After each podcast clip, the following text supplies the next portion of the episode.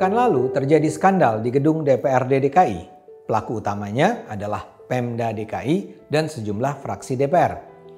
Oh ya, jangan berpikiran macam-macam ketika mendengar kata skandal. Ini bukan soal skandal seks, melainkan skandal dalam arti tindakan yang salah secara moral dan legal dan seharusnya membuat publik marah.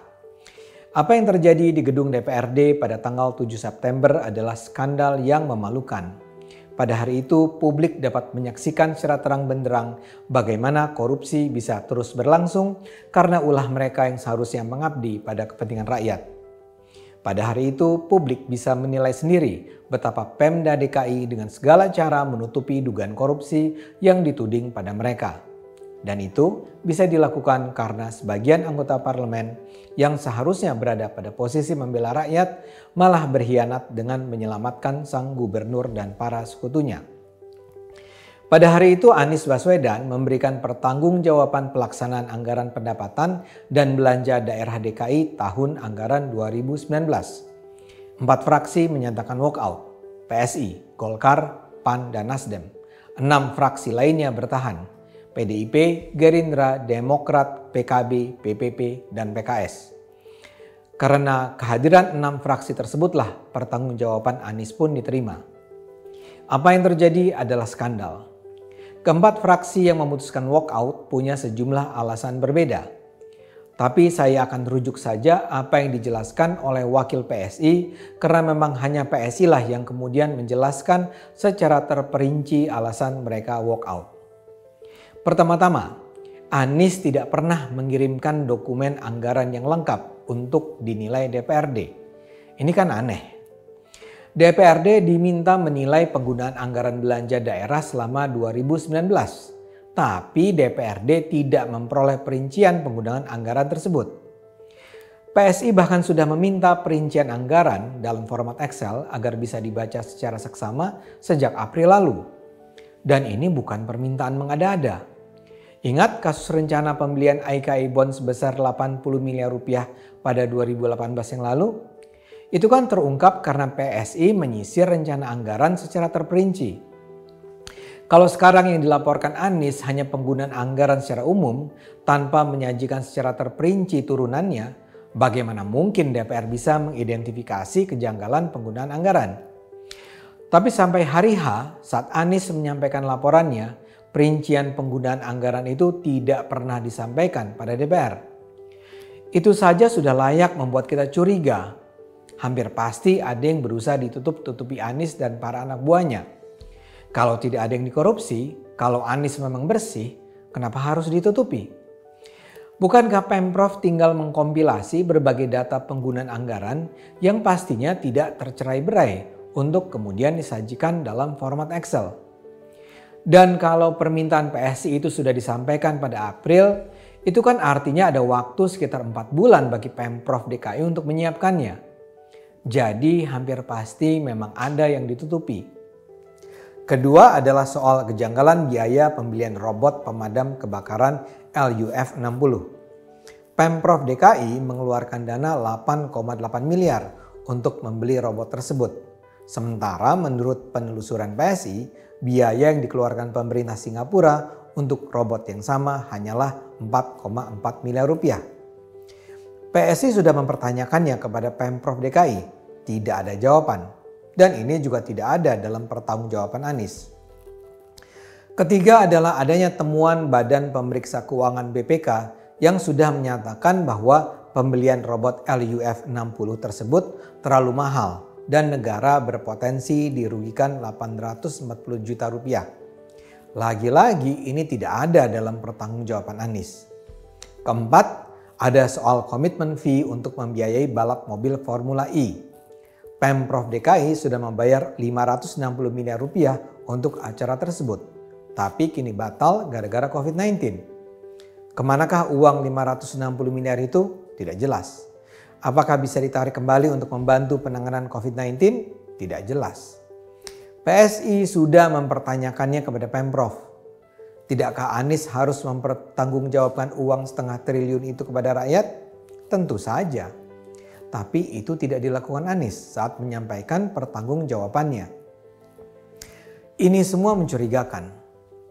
Bahkan untuk memperburuk kisah, ada pula kejanggalan atau bahkan bisa disebut kejahatan yang luar biasa di hari Anies memberikan laporan pertanggungjawaban itu.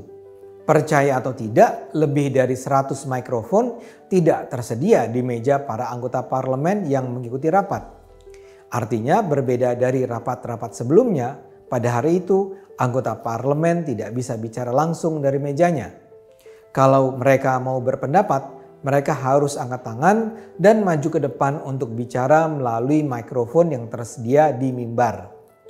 Yang tidak hilang hanya mikrofon di meja pimpinan rapat, meja gubernur, dan meja wakil gubernur. Tidakkah itu mengherankan? Hampir pasti itu sengaja. Itu hampir pasti dilakukan agar para anggota parlemen yang kritis tidak bisa mengganggu Anies dengan pertanyaan-pertanyaan yang akan menyudutkan Anies. Karena itulah anggota DPR dibuat susah. Ini jelas skandal. Karena berbagai alasan itulah empat fraksi menyatakan walkout. Yang mengherankan ada enam fraksi lain yang tetap menuntaskan rapat. Dan di bagian akhir mereka bersama-sama menerima pertanggungjawaban Anies. Mereka bahkan bertepuk tangan. Anies sendiri dengan tidak tahu malu membacakan pantun di akhir pertanggungjawabannya. Inilah bunyi pantunnya. Makan rendang sambil tambah nasi, makannya berdua sambil lahap. Dalam sidang yang banyak interupsi, pukulan palu Pak Ketua sangatlah mantap. Tentu saja pantun itu buruk dan luar biasa dungu. Dan bahkan terkesan sekali mempermalukan ketua sidang Prasetyo Edi dari PDIP yang seolah memukul palu sesuai keinginan Anies. Tapi pantun itu ternyata disambut gembira oleh para anggota sidang yang masih bertahan.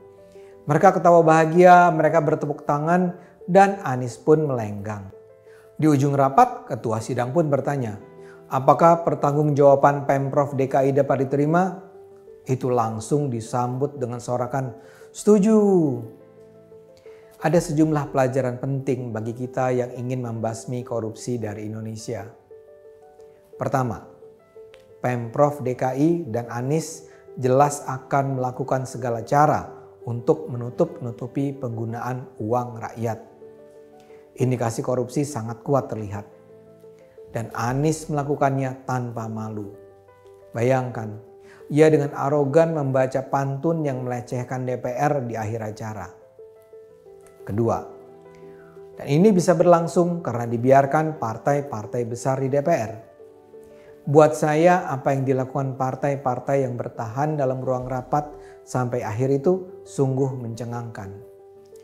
DPRD sudah dilecehkan oleh Anies. Anies jelas serampangan. Tapi mereka berdiam diri tanpa mengusik Anies yang jelas-jelas mengkhianati kepercayaan rakyat.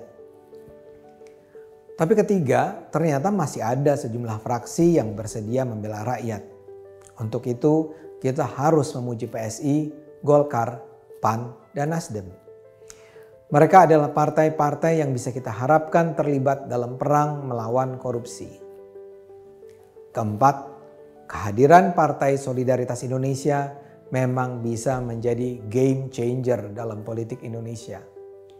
Anak-anak muda ini menjalankan peran sebagai wakil rakyat sesungguhnya. Mereka sudah bersusah payah minta data penggunaan anggaran sejak April. Mereka mempelajari harga robot damkar dan menemukan kejanggalan signifikan di dalamnya. Dan kelima, Skandal ini bisa terjadi karena sistemnya memang sudah membusuk. Bahwa mikrofon tiba-tiba saja menghilang di hari pertanggungjawaban Anies menunjukkan memang ada tangan-tangan tersembunyi yang mengatur agar dugaan korupsi Anies tidak dibicarakan secara terbuka. Ini pasti kekuatan yang besar. Begitu juga fakta bahwa kasus ini tidak di blow up oleh media besar menunjukkan kejanggalan lainnya. Sulit jadinya bagi kita untuk tidak curiga bahwa ada uang mengalir dari kubu Anies ke para pengambil keputusan di banyak, tidak semua, media yang selama ini kritis terhadap pemerintah. Jadi apa yang terjadi di gedung DPRD DKI pada 7 September adalah skandal yang memalukan. Tapi ini tentu tak harus membuat kita berhenti melawan kezaliman dan korupsi yang mungkin dilakukan Anies dan para sekutunya baik di dalam Pemprov maupun di parlemen dan di media massa. Perlawanan harus terus dilakukan. Saat ini ada empat partai politik yang membela rakyat. Mudah-mudahan dengan dukungan masyarakat akan semakin banyak partai politik yang bersedia menggunakan nurani dan akal sehat. Kita gunakan terus nurani dan akal sehat kita karena hanya dengan nurani dan akal sehat, bangsa ini akan selamat.